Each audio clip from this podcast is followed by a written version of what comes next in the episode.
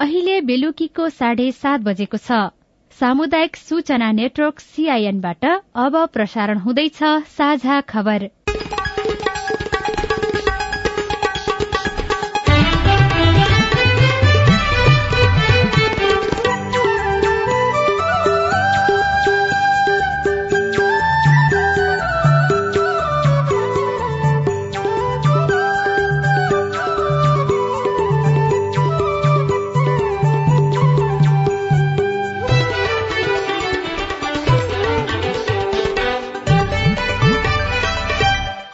सीआईएनको साझा खबरबाट सोभिता रिसालको नमस्कार। साझा खबर देशभरिका सामुदायिक radio CIN Khabar dot com र मोबाइल एप सीआईएनमा पनि सुन्न सकिन्छ।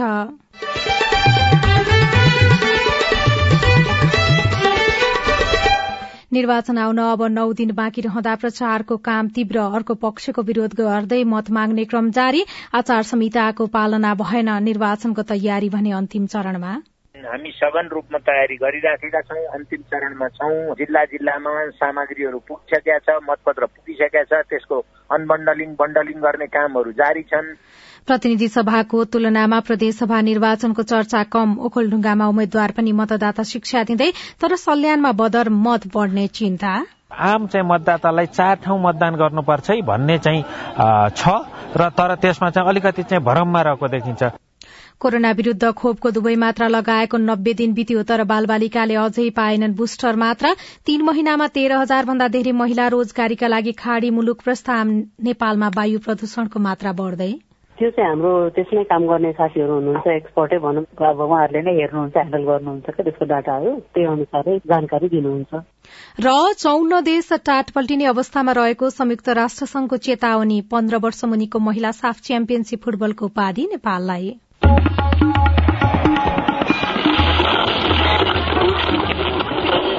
सयौं रेडियो हजारौं रेडियो कर्मी र करोड़ौं नेपालीको माझमा यो हो सामुदायिक सूचना नेटवर्क सीआईएन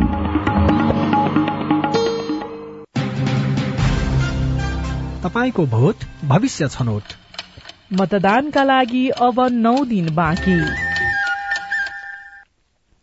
निर्वाचनका बेला सुकुम्बासी र भूमिहीन समुदायलाई लाल पूर्जा वितरण गर्ने विषय पनि चर्को स्वरमा उठ्ने गरेको छ। भूमिहीनलाई भूमि दिने र बसिरहेकाहरूलाई लाल पूर्जा दिलाइदिने विषय दशकौंदेखि चुनावी नारा बनेको छ। सरकारले लाल पूर्जा वितरणको काम शुरू गरेको पनि छ तर व्यवस्थित नहुँदा अलपत्र परेको छ। यसलाई चुनावी नारामा मात्रै सीमित नराखी छिटो भन्दा छिटो समाधान गर्नेतर्फ सरकार लाग्नुपर्छ। निर्वाचन आउन नौ दिन मात्रै बाँकी रहँदा राजनैतिक दल र उम्मेद्वारहरूले प्रचारलाई थप तीव्र पारेका छन्। राजनैतिक दलबाट उम्मेद्वार बनेकाहरूले आ आफ्ना शीर्ष नेताहरूलाई आफ्नो निर्वाचन क्षेत्रमा बोलाएर मत माग्ने माहौल बनाइरहेका छन् भने स्वतन्त्र उम्मेद्वारहरू पनि आफ्ना समर्थक सहित मत मागिरहेका छन्। सत्ता गठबन्धनका शीर्ष नेताहरू ठाउँ ठाउँमा पुगेर आफ्ना उम्मेद्वारहरूलाई जिताएको खण्डमा मन्त्री बनाइदिने आश्वासन दिइरहेका छन्। यस्तै अर्को पक्षको विरोध गर्दै आफ्नो पक्षमा मत माग्ने क्रम पनि चलिरहेको छ। निर्वाचन आयोगले प्रचार गर्दा सभ्य तरिकाले गर्न र आचार संहिताको पूर्ण रूपमा पालना गर्न अनुरोध गरिरहेको छ। तर पनि उम्मेद्वार तथा राजनैतिक दलले आचार संहिता उल्लंघन गर्न छाडेका छैनन्। दलहरूको लागि अब प्रचार प्रसार गर्ने समय सात दिन मात्रै बाँकी रहेको छ। त्यसपछिको दुई दिन मौन अवधि शुरू हुने र सो समयमा दलहरूले प्रचार प्रसार गर्न नपाउने भएकाले अबको सात दिनमा उम्मेद्वारहरूले आफ्नो सम्पूर्ण प्रचारको काम सकाइसक्नुपर्नेछ। निर्वाचन आयोगले पनि निर्वाचन गराउने प्रक्रिया अन्तिम चरणमा पुगेको जनाएको छ। सीआईएनसँग कुराकानी गर्दै आयोगका प्रवक्ता शालिग्राम शर्मा पौडेलले भन्नुभयो। हामी सघन रूपमा तयारी गरिराखेका छौँ अन्तिम चरणमा छौँ होइन? जिल्ला जिल्लामा सामग्रीहरू पुगिसकेका छ मतपत्र पुगिसकेका छ त्यसको अनबन्डलिङ बन्डलिङ गर्ने कामहरू जारी छन्। गरेर अहिले मतदान अधिकृत सहायक मतदान अधिकृतको ठाउँ ठाउँमा तालिमहरू भइराखेको छ। अब यिनीहरूलाई सामान बुझाउने र अब टाढा टाढाका ठाउँमा त सात दिन आठ दिन लाग्ने ठाउँहरू पनि छन्। त्यस्तोमा चाहिँ अब भोलि पर्सिदेखि उहाँहरू मतदान स्थलतर्फ प्रस्थान पनि गराउनु पर्ने हुन्छ। निर्वाचन आचार संहिता उल्लंघन गरेकोमा प्रेस काउन्सिल नेपालले हालसम्म छत्तीसवटा संचार माध्यमलाई स्पष्टीकरण सोधेको छ। निर्वाचन आचार संहिता पालना नभएको विषयमा काउन्सिलले गरेको अनुगमनका क्रममा छत्तीसवटा संचार माध्यमले आचार संहिता प्रभावित हुने गरी सामग्री सम्प्रेषण गरेको पाइएको काउन्सिलले जनाएको छ। काउन्सिलको विवरण अनुसार यसरी आचार संहिता उल्लंघन गर्नेहरूमा पच्चीसवटा अनलाइन संचार माध्यमहरू रहेका छन्। सीआईएनसँग कुरा गर्दै काउन्सिलका मुख्य अधिकृत झविन्द्र भूषालले कुनै पनि संचार माध्यमले आचार संहिता उल्लंघन गरे तुरन्तै काउन्सिललाई खबर गर्न समेत आग्रह गर्नुभयो। त्यो राजनीतिक दललाई कसरी चाहिँ कभरेज गरेका छन् कति कुन कुन राजनीतिक दललाई कति स्थान दिएका छन् कुन उम्मेद्वारलाई कति स्थान दिएका छन् सन्तुलन छ कि छैन भन्ने हिसाबले यो चाहिँ क्वान्टिटेटिभ हिसाबले पनि हामीले चाहिँ एउटा डाटामै राखेर हेर्ने गरेर चाहिँ अनुगमन गरेका छौँ। अब यसको चाहिँ रिजल्ट हामीले अब केही दिनपछि त्यसको रिजल्ट पनि प्रकाशन गर्नेछौँ। र अहिले केही त्यस्ता आचार संहिताका उल्लङ्घनका घटनाहरू छन् भने तुरुन्तै चाहिँ हाम्रा प्रदेशका संयोजकजीहरूलाई अथवा प्रेस काउन्सिललाई र काउन्सिलको उजुरी प्रणाली अनलाइन उजुरी प्रणालीमा चाहिँ उजुरी गर्न भनेर पनि हामीले सबै शाखाहरूलाई चाहिँ सर्कुलर सहयोगको लागि चाहिँ पनि पत्राचार गरेका छौँ। यसरी हाम्रो अनुगमन भइरहेको छ निर्वाचन आचार संहिता दुई हजार उनासीको पहिलो संशोधन अनुसार संचार माध्यमले कसैको पक्ष वा विपक्षमा रहेका समाचार सम्प्रेषण गर्नु हुँदैन भने राजनैतिक दल वा उम्मेद्वारको निर्वाचन प्रचार प्रसारको लागि निशुल्क विज्ञापन प्रसारण प्रसार प्रकाशन प्रसारण वा सम्प्रेषण गर्न हुँदैन। राजनैतिक दल वा उम्मेद्वार वा उम्मेद्वारको एकाघर परिवारका सदस्यको मान प्रतिष्ठा इज्जतमा आँच पुर्याउने तथा गलत र भ्रामक समाचार सम्प्रेषण गर्न नहुने स्पष्ट उल्लेख रहेको छ। निर्वाचन नजिकिँदा बजारमा उपभोग्य वस्तुको मूल्य समेत आकाशिएको छ। चामल दाल तेल पिठो र बनाउ खानेकुराको मूल्य बढ़ेको हो। मैदा पाउरोटी बिस्कुट चाउचाउ लगायतको मूल्य दसदेखि चालिस रूपियाँसम्म बढ़ेको छ। आयातित खाद्यान्नसँगै विदेशी उत्पादनहरूमा पनि मूल्य बढ़दै गएको छ। मैदाको मूल्य प्रति किलो एक सय दस रूपियाँ पुगेको छ। मल बोरामा दुई सय भन्दा बढ़ी रूपियाँले बढ़ेको छ भने तेलको मूल्य कार्टुनमा तीन सय रूपियाँ बढ़ेको छ। दालहरूको मूल्य किलोमा दश रूपियाँ भन्दा धेरैले बढ़ेको व्यवसायीहरूले बताएका छन्। सीआईएनसँग कुरा गर्दै उपभोक्ता हित संरक्षण मंचका सचिव अधिवक्ता हरिप्रसाद मैनालीले निर्वाचनमा राजनैतिक दलहरूले उद्योगीसँग उठाउने चन्दाको असर बजारमा देखिने गरेको बताउनुभयो।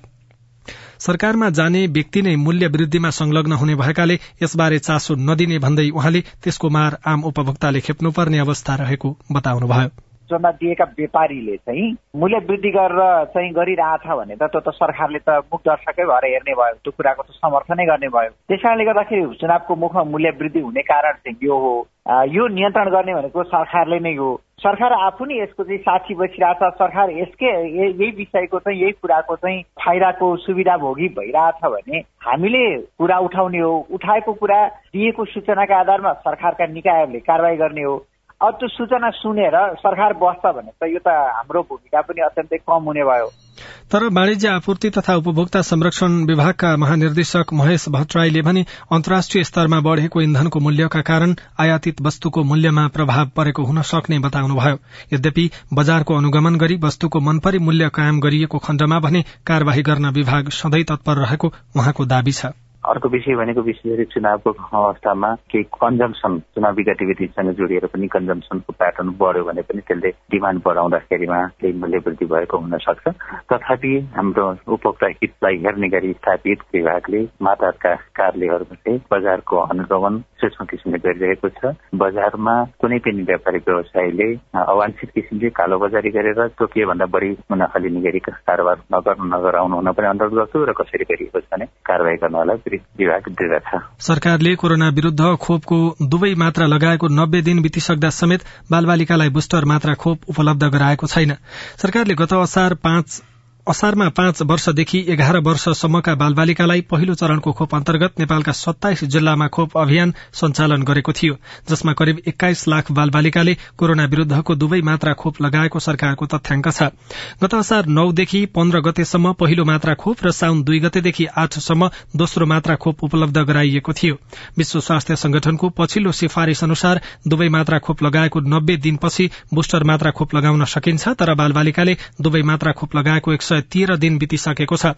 स्वास्थ्य तथा जनसंख्या मन्त्रालयले भने नेपालमा बालबालिकालाई बुस्टर मात्रा खोप दिने बारे अझै निर्णय भइ नसकेको बताएको छ। सीआईएनसँग कुरा गर्दै मन्त्रालयका सह प्रवक्ता डाक्टर समीर कुमार अधिकारीले भन्नुभयो बाल बालिकाहरूको सन्दर्भमा हामीले बुस्टर डोज लगाउनु पर्ने समाप्ति भएपछि व्यवस्था आवश्यक सम्बन्धित खोप सल्लाहकार समितिको सिफारिस अनुसार सरकारले निर्णय गराएपछि व्यवस्था गर्छ नै। हालका लागि हामीले बालबालिकाको खोप अभियान नै धेरै पछि सुरु गरेको उहाँहरूको त्यसको मात्रा पूरा भइसकेपछि पुस्तकको दिने सन्दर्भको समयावधिको कुरा एउटा एउटा प्राविधिक हिसाबले लगाउन उपयुक्त छ छैन भन्ने कुराहरू दुइटै पाटोको विश्लेषण पछिको कार्यान्वयनमा जाने पाटो हो। अहिलेका लागि हामीले त्यो उमेर समूहका लागि छुट्टै बुस्टर डोजको व्यवस्था तत्काल गरिएको हो त्यस अनुसार निर्णय भएको अवस्था छैन। नेपालमा पाँचदेखि एघार वर्ष उमेर समूहका करिब चालिस लाख बालबालिका रहेका छन्। मन्त्रालयका अनुसार यो उमेर समूहका बालबालिकाहरूलाई भने पूर्ण मात्रा खोप लगाइएको पाँच महिना बिते पनि बुस्टर मात्रा उपलब्ध गराउने तयारी भइरहेको छ। साझा खबरमा अब विदेशको खबर।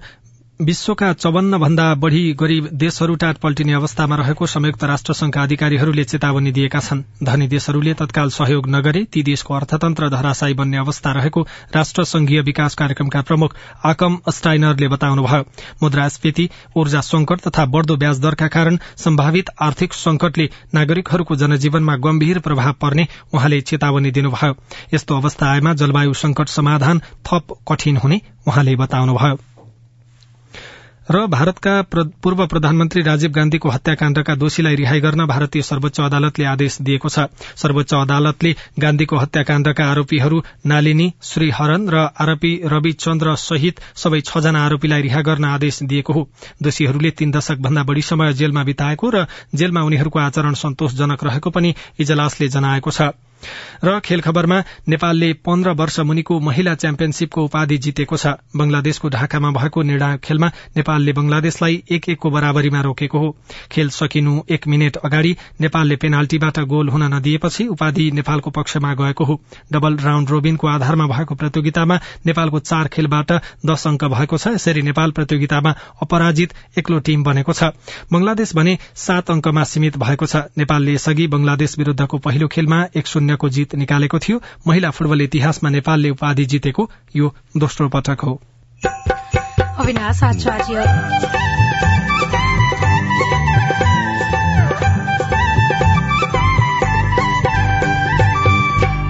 सल्यानमा मतदाता शिक्षा कार्यक्रम प्रभावकारी नहुँदा बदर मत बढ़ने चिन्ता।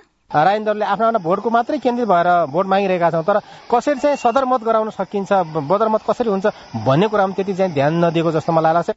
रिपोर्ट बदर मत घटाउन मतदाता शिक्षामा जुटे ओखोलढुङ्गाका उम्मेद्वार। प्रदेश सभा निर्वाचनको चर्चा कम हुनुको कारण बारेको कुराकानी सहितका विशेष सामग्री बाँकी नै छन्। सीआईएनको साझा खबर सुन्दै गर्नुहोला। बीएससी फरेस्टीको प्रवेश परीक्षा सम्बन्धी सूचना।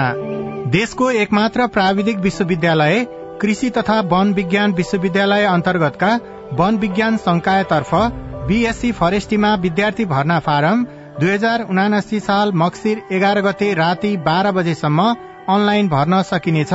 साथै प्रवेश परीक्षा दुई हजार उनासी साल मक्सिर सत्र गते बिहान एघार बजे हुनेछ। थप जानकारीको लागि W W W dot AFU dot EDU dot एनपीमा हेर्न सकिनेछ। सम्पर्क फोन नम्बर शून्य सन्ताउन्न पाँच तेइस दुई सय अडचालिस आगामी मंगिर चार गते हुने प्रतिनिधि सभा तथा प्रदेश सभा सदस्य निर्वाचन मार्फत प्रतिनिधि सभा र सातै प्रदेश सभाले निर्वाचित सदस्य प्राप्त गर्नेछन्। मतदाता नामावलीमा नाम दर्ता भई मंगिर तीन गते अठार वर्ष उमेर पुग्ने नेपाली नागरिकले मंगिर चार गते आइतबार बिहान सात बजेदेखि बेलुका पाँच बजेसम्म मतदान गर्न सक्नेछन्। मतदाताले प्रतिनिधि सभाका लागि पहिलो हुने निर्वाचित हुने निर्वाचन प्रणालीतर्फ एक मत र समानुपातिक निर्वाचन प्रणालीतर्फ एक मतका साथै प्रदेश सभा सभाका लागि पनि पहिलो हुने निर्वाचित हुने निर्वाचन प्रणालीतर्फ एक मत र समानुपातिक निर्वाचन प्रणालीतर्फ एक मत गरी छुट्टा छुट्टै चारवटा मतपत्रमा एक एक छाप लगाउनु पर्नेछ निर्वाचनमा मतदान मार्फत आफूले चाहेको प्रतिनिधि छान्न सकिने हुँदा यो महत्वपूर्ण छ। त्यसैले सक्षम इमान्दार र योग्य उम्मेद्वारलाई मतदान गरी मताधिकारको सदुपयोग गरौं। निर्वाचन आयोग नेपाल। सामाजिक रूपान्तरणका लागि यो हो सामुदायिक सूचना नेटवर्क सीआईएन तपाई सामुदायिक सूचना नेटवर्क सीआईएनले तयार पारेको साझा खबर सुन्दै हुनुहुन्छ। बर्खायाम सकिएसँगै नेपालको आकाशमा प्रदूषणको मात्रा बढ़दै जाने गरेको छ। पछिल्लो समय भारतको हरियाणा र पंजाब राज्यमा पराल जलाएको धुवाँले पनि नेपालमा प्रदूषण बढ़ाएको विज्ञहरू बताउँछन्। नेपालमा हरेक वर्ष हिउँद लागेसँगै प्रदूषणको मात्रा बढ़ने गरेको छ तर नेपालमा प्रदूषणको मापन गर्न सरकारले स्थापना गरेका मापन केन्द्रहरू चुस्त नहुँदा वातावरणको अवस्थाबारे जानकारी लिन समस्या हुने गरेको छ। वन तथा वातावरण मन्त्रालय अन्तर्गतको वातावरण विभागले देशका विभिन्न छब्बीस स्थानमा गुणस्तर मापन केन्द्र स्थापना गरेको भए पनि अधिकांश बिग्रिएका छन्। सीआईएनसँग कुराकानी गर्दै विभागका सूचना अधिकारी सरोजा अधिकारीले बिग्रिएका केन्द्रहरूको मर्मत गर्न विभागसँग आन्तरिक क्षमता नभएको बताउनुभयो। गत तीन महिनामा तेह्र हजार सात सय एकसठी जना महिला वैदेशिक रोजगारीका लागि खाड़ी मुलुक पुगेका छन्। वैदेशिक रोजगार विभागका अनुसार साउनमा छ हजार दुई सय बयालिस जना भदौमा सात हजार पाँच सय उन्नाइस असोजमा पाँच हजार चार सय दस जना विदेशिएका छन्। यसरी रोजगारीका लागि विदेश जानेहरूमा झापा जिल्लाका महिलाहरू बढ़िरहेका छन्। गत तीन महिनामा झापाका एक हजार सात सय उनानब्बे जना महिला रोजगारीका लागि विदेश गएका छन् भने दोस्रोमा रहेका मकवानपुर जिल्लाबाट एक हजार उनानब्बे जना महिला विदेश गएको वैदेशिक रोजगार विभागका निर्देशक तथा सूचना अधिकारी कृष्ण प्रसाद भूषालले सीआईएनलाई बताउनुभयो। यसरी सबैभन्दा बढ़ी जानेहरूमा साइप्रस देश रहेको छ। उम्मेद्वारहरू अहिले भोट माग्दै जनताका घर दैलोमा पुगिरहेका छन्। निर्वाचन आयोगले घर दैलोमा जाँदा मतदाता शिक्षा पनि दिन आग्रह गरिरहेको छ। सबैतिरका उम्मेद्वारहरूले मतदाता शिक्षा दिइरहेका छैनन् तर ओखलडुङ्गाका उम्मेद्वारहरू जनतासँग भोट मात्रै मागिरहेका छैनन्। सही तरिकाले कसरी मतदान गर्ने भन्ने बारेमा मतदाता शिक्षा पनि दिइरहेका छनृ। प्रतिनिधि सभातर्फ दुई र प्रदेश सभातर्फ चार गरी ओखलढुङ्गामा छ पदका लागि प्रतिस्पर्धा रहेको छ। जसका लागि प्रतिनिधि सभातर्फ आठ र प्रदेश सभातर्फ बाह्र गरी बीस जना उम्मेद्वार चुनावी मैदानमा छन्। ओखलढुङ्गामा मतदाता भने एक लाख सत्र हजार आठ सय सन्तानब्बे जना छन्। भोट माग्दै जनताको घर दैलोमा पुगिरहेका उम्मेद्वारहरूले कसरी सही तरिकाले मतदान गर्ने भन्ने बारेमा पनि सिकाइरहेका छन्। नेकपा एमालेबाट प्रतिनिधि सभा सदस्यका उम्मेद्वार यज्ञराज सोनवार आम मतदाताहरूलाई प्रशिक्षण दिनका लागि हामीले कार्यकर्ता पङ्क्तिलाई पहिलेदेखि नै भनि आएका छौँ हामीले आफ्नो ठाउँबाट मत माग्दाखेरि भन्ने कुराहरू भनिरहेका छौँ प्रतिनिधि सभातर्फ मुख्य प्रतिस्पर्धा एमाले उम्मेद्वार सुनवार र सत्ता गठबन्धनबाट रामहरि खतिवड़ा बीच हुने देखिएको छ। चुनावमा एकै भोटले पनि हारजितको अवस्था सिर्जना हुन सक्ने र जनताले दिने अमूल्य मत खेर नजाओस् भनेर उम्मेद्वारहरूले घर दैलोमा मतदाता शिक्षालाई पनि जोड़ दिइरहेका छन्। सत्ता गठबन्धनबाट क्षेत्र नम्बर दुईको प्रदेशसभा खका उम्मेद्वार बाबुराम गौतम।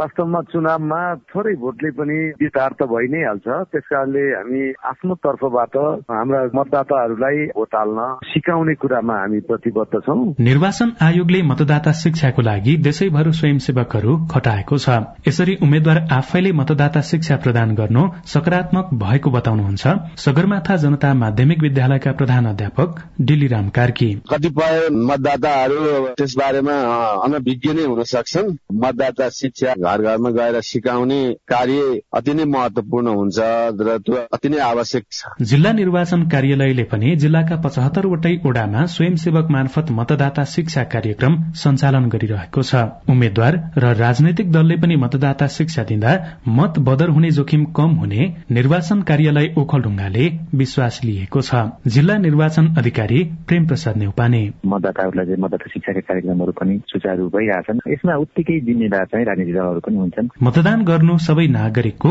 अधिकार पनि हो। सही तरिकाले मत हाल्नको लागि मतदाता निर्वाचन आयोग राजनैतिक दल उम्मेद्वार सबै जागरूक बन्नुपर्छ। Prabin Munal CIN vision FM Okhaldhunga ओखलडुङ्गामा उम्मेद्वारहरू घर दैलोसँगै आफै मतदाता शिक्षा दिनमा खटिएका छन् तर देशभरिको अवस्था त्यस्तो छैन। चुनाव आउन अब नौ दिन मात्रै बाँकी रहँदा सल्यानमा भने मतदाताहरू अन्यलमा रहेको पाइएको छ। सल्यानमा पछिल्लो सात दिनमा दश स्थानमा नमूना मतदान सम्पन्न भएको छ जसमा सरदर पन्ध्र प्रतिशत मत बदर भएको देखिएको छ। मतदाताले स्थानीय तहको निर्वाचनमा एकै मतपत्रबाट धेरै जनालाई छनौट गरिएको जस्तो गरी मत दिइरहेका छन् जुन गलत रहेको छ सिद्धकुमार तिनका धर्मराज घरती मतदाता शिक्षा अहिले पनि सबैमा के छ त भन्दा आफै केन्द्रित भइरहेका छौँ। आफ्ना आफ्ना राजनीतिहरूले आफ्ना आफ्ना भोटको मात्रै केन्द्रित भएर भोट मागिरहेका छौँ। तर कसरी चाहिँ सदर मत गराउन सकिन्छ बदर मत कसरी हुन्छ भन्ने कुरामा त्यति चाहिँ ध्यान नदिएको जस्तो मलाई लाग्छ। मतदाताले प्रतिनिधि सभाको प्रत्यक्ष निर्वाचन प्रणाली र समानुपातिक निर्वाचन प्रणालीका लागि छुट्टा छुट्टै मतपत्र पाउँछन् अनि प्रदेश सभातर्फका लागि पनि प्रत्यक्ष र समानुपातिक गरी दुई मतपत्र हुन्छ। शुरूमा प्रतिनिधि सभातर्फको प्रत्यक्ष तर्फको मतदान गरी मतपेटिकामा खसालेपछि मात्रै समानुपातिक तर्फको मतपत्र पाइन्छ।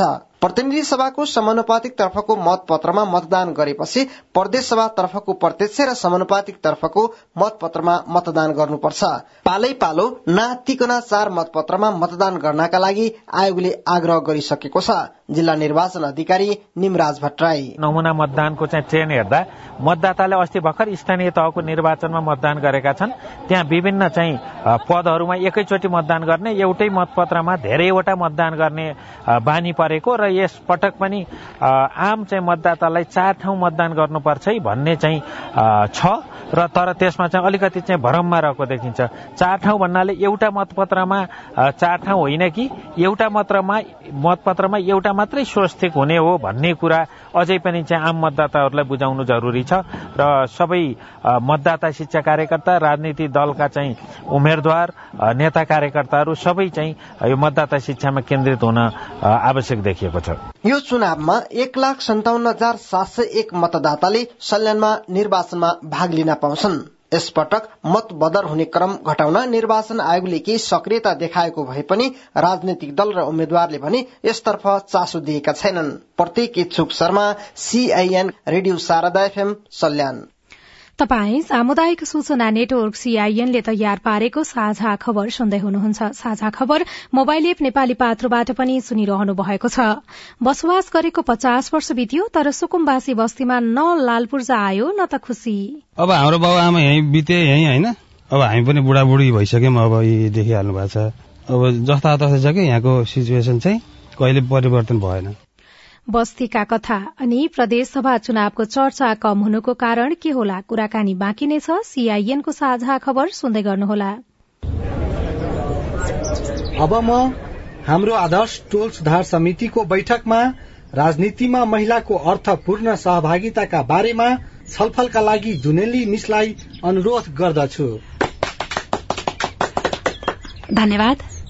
निर्वाचन तथा सरकारमा महिला सहभागिता न्यूनतम संवैधानिक तथा कानूनी मापदण्डहरू पूरा गर्नका लागि मात्र सीमित रहेको देखिन्छ। तर महिलाको समान राजनैतिक प्रतिनिधित्व र सहभागिता सुनिश्चित गर्न अझ धेरै काम गर्नुपर्ने देखिन्छ। नेपालको संविधानले संघीय संसद प्रदेश सभामा कम्तीमा तेत्तीस प्रतिशत र स्थानीय तहमा कम्तीमा चालिस प्रतिशत महिलाको प्रतिनिधित्व हुनुपर्ने व्यवस्था गरेको छ। महिला प्रतिनिधिलाई पूर्ण रूपमा कार्यान्वयन गर्न र राजनीतिक दलहरूमा पनि आफ्नो दलको सबै तह र संरचनामा तेत्तीस प्रतिशत महिला सहभागिता गर्नुपर्ने कानूनी व्यवस्था छ र यो अति नै आवश्यक पनि छ। राज्यका हरेक तहमा तथा राजनीतिक दलभित्र पनि समावेशी सिद्धान्त अवलम्बन गर्ने कुरा संविधानमा भनिएको छ। एकैछिन मिस राजनीतिमा दक्ष महिला नहुँदा पार्टीको माथिल्लो पदमा महिला नियुक्त हुन नसकेको भनेर दलहरूले नै भन्नु जायज हो त मिस।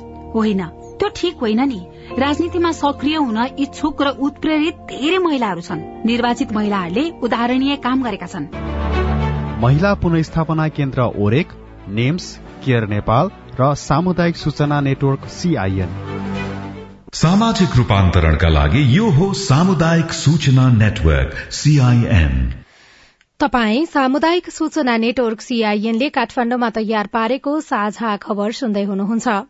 चुनावको समयमा प्राय नेता कार्यकर्ता सकेसम्म हरेक घरको दैलोमा पुग्ने कोशिशमा हुन्छन्। तर परिणाम सार्वजनिक भएपछि धेरैजसो नेताले आफ्नो निर्वाचन क्षेत्र र मतदाता बिर्सने गरेको आरोप खेप्नुपर्छ। सीआईएनले केही दिन यता सुकुम्बासी बस्तीका कथा व्यथा खोतलिरहेको छ। दशौं वर्षदेखि लाल पूर्जा पर्खिरहेका सुकुम्बासी बस्ती चुनावकै बेला पनि नेताको नजरबाट पर छ। नारायण घाट पुलचोकको मुख्य सड़कबाट झण्डै दस किलोमिटर दक्षिण लागेपछि नारायणी नदी किनारमै भेटिन्छ सुकुम्बासी बस्ती। अडचालिस वर्षका विष्णुबहादुर छेत्री यतै जन्मनुभयो। उहाँको बाल्यकाल र युवा अवस्था पनि यिनै झुपड़ीमा बिते। आँखे अगाडि पटक पटक व्यवस्था फेरिए तर सुकुम्बासी बस्तीको अवस्था फेरिएन। अब हाम्रो बाबु आमा यहीँ बिते यहीँ होइन? अब हामी पनि बुढाबुढी भइसक्यौँ अब यी देखिहाल्नु भएको छ। अब जस्ता तस्तै छ कि यहाँको सिचुएसन चाहिँ कहिले परिवर्तन भएन। बुद्धिमाया परियारको पनि कहानी फरक छैन। नारायणी किनारलाई वासस्थान बनाएको पचास वर्ष नागिसक्यो। आफैले बनाएको घर आफ्नो लाग्दैन कारण लाल पूर्जा छैन। यहीँ बसेर बुढी भइयो यहीँ बसेर जान लागिसक्यो। ऊ माडे चौरमा त्यस्तो अर्काकोमा त पास भइसक्यो। यहाँ कुनै जिन्दगी हुन्न जहिले पनि हुन्छ हुन्छ। हुन्छ हुन्छ भनिदिन्छन् कहिले पनि दिँदैन नमस्कार हजुर यसपालि त हुन्छ। भन्न आउँछन्? खै कहिले पनि हुँदैन। मुख्य सड़कको छेउमा भए पनि बस्तीमा हत्तपत्ती नयाँ मान्छे आउँदैनन्। चुनावमा त नआएका नेता अरू बेला झन् के आउँथे। नौलो मान्छे देखेपछि चौरासी वर्षका गोपीलाल भुजेललाई मनको बह पोख्न मन लागेछ। सुन्नुहोस् है म बुढो मान्छेलाई है? ल ल म लाल पूर्जा दिइहाल्छु। हातिनु पर्दैन। भने आखिरी फर्केर चाहिँ कोही पनि दर्शन। ऊ गरेर पाएन वास्तै छैन। हामीलाई दुःख दुःखै छ। कहिलेदेखि हो तपाईँलाई लाल पूर्जा दिइहाल्छु नि भने चाहिँ? पहिला पहिला पनि भन्थे। कति आए कति हजुर म तपाईँको समस्या विचार गर्छु। यो दुःख परेको रहेछ। हामीले बुझिसक्यौँ। बुझ्न त बुझे। उनीहरू एकैचोटि चाहिँ नि गयो माथि। फर्केर यहाँ बुझ्ने कुरो कोही छैन। छ त? बर्खामा करेसासम्म आए पनि नारायणी नदीले दुःख दिएको बस्तीका मानिसहरूलाई खासै सम्झना छैन। बरु लाल पूर्जा दिलाउँछु भनेर ढाँटिरहने नेताहरू दुःखको कारण बनेका छन्। नारायणीले अहिलेसम्म त्यस्तो खासै दुःख त दिएको छैन तर हाम्रो राजनीतिक दलहरू चाहिँ अलिअलि दिइरहेको ए नदीले भन्दा बढी दलहरूले दुःख दिन्छन्। प्रत्येक चुनावमा यो दिन्छ र ऊ दिन्छ भन्नुहुन्छ जित्नु भए पनि के गर्नु भयो मलाई थाहा भयो चुनावको बेला चाहिँ के भन्छन् नेताहरू? सधैँ दिन्छु नै भन्छन्। तपाईँहरूलाई सबै छेउ दिन्छु भन्छन्। त्यही केही पनि होइनन्। बढ्दै खोलाको डर लाग्दैन। बढेर आएछ भने सबै एकैचोटि गयो आनन्दै हुन्छ जस्तो लाग्छ है। तर यहाँबाट उठेर जा भन्यो भने त हामी कहाँ जाने कहाँ बस्ने? हामीलाई डर छ एकदम मनमा तरस लागिरहेछ। अब कुन दिनमा हो? अब यहाँबाट जा भने दिनमा हामी कहाँ जाने? हे धुरमुर छानी। बस्नेको बास लालपुर जाको लाग्दछ खारेको यो बेल सपना भयो नि शिवघाटको सुकुम्बासी बस्तीमा त्रिहत्तर परिवार छन्। पचास वर्षभन्दा लामो समयदेखि बसोबास गर्दै आएको जग्गाको लालपूर्जा नहुँदा धेरै कुरामा समस्या परेको छ। लाल पूर्जा नहुँदा त धेरै समस्या छ नि। लाल पूर्जा पाउनु पाए त धेरै हुन्थ्यो। यहाँ दिने भने त धेरै छन् मान्छे। अहिलेसम्म कसले देखाएर खोइ? अब कतिपय बिजनेस व्यापार गरौँ भने ब्याङ्कले लोन पताउँदैन। छन् नि कतिपय कुराहरू। आफ्नो भनेर बस्नु र अर्काको भनेर बस्नुमा त फरक छ। फरक छैन र। यो घर आफ्नै भएर पनि आफ्नो जस्तो छैन। छैन। यो चाहिँ छैन। किन कति बेला के हुने थाहा छैन। चितवनको दुई नम्बर निर्वाचन क्षेत्रमा पर्ने शिवघाट भरतपुर महानगरपालिका भित्रै पर्छ। बस्तीका पढे लेखेका मानिसहरू भन्छन् मत हाल्न पाउनु अधिकार र खुशीको विषय हो। तर समस्याको चाङले थिचिएका नागरिक नेताले मतको मूल्य नतिरेको भन्दै यसपालि राम्रै हिसाब किताब गर्ने बताइरहेका छन्।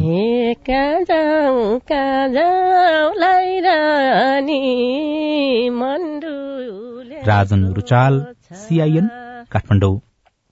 निर्वाचनमा आफ्नो पक्षमा मत धेरै आओस् भन्नका लागि राजनैतिक दल र उम्मेद्वार घर दैलो अभियानमा छन्। तर यो अभियान प्रतिनिधि सभाको चुनावका लागि जति जबरजस्त छ प्रदेश सभाका लागि कम देखिएको छ। यसको कारण र प्रभावका बारेमा हामीले संविधान र प्रशासनका जानकार काशीराज दाहालसँग कुराकानी गरेका छौं। कतिपय काम कारवाही प्रदेशको हेर्दा केही कानून बनाएको अवस्था त देखियो तर त्यो कानूनको पनि प्रभावकारी कार्यान्वयन भएको र जे जति भूमिका प्रदेशले निर्वाह गर्नुपर्ने हो त्यो अलिक छायामा पर्या हो कि विगतको अभ्यासबाट भन्ने कारणले उम्मेद्वारहरू पनि त्यही किसिमबाट दलहरूले छनौट गरेको अवस्था छ। अहिले मतदाता र उम्मेद्वारहरूमा प्रदेश सभाको निर्वाचनको विषयमा यहाँले भने जस्तै त्यस्तो बुझाइ त्यस्तो प्रकारको हो र वास्तविकता चाहिँ के हो त? जहाँ दुई तहको प्रणाली भएको जस्तो अमेरिका क्यानाडा अस्ट्रेलिया लगायतका मुलुकहरू हेर्यौँ भने प्रदेशको भूमिका त्यत्तिकै सशक्त छ।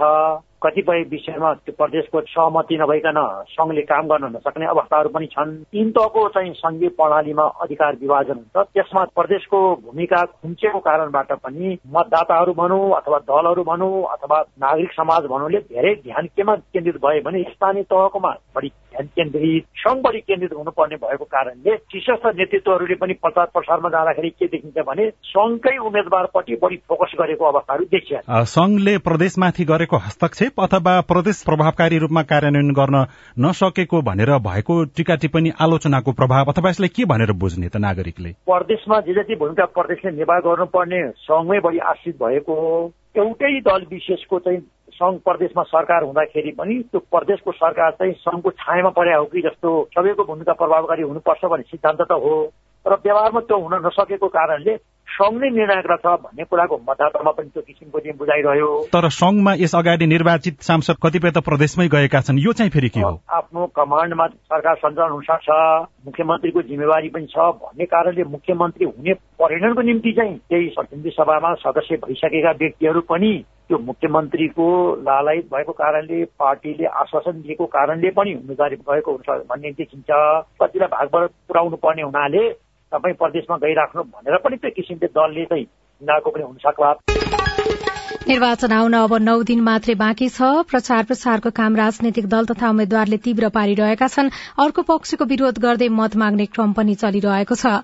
आचार संहिताको पालना भएको छैन। निर्वाचन गराउने प्रक्रिया अन्तिम चरणमा पुगेको निर्वाचन आयोगले जनाएको छ।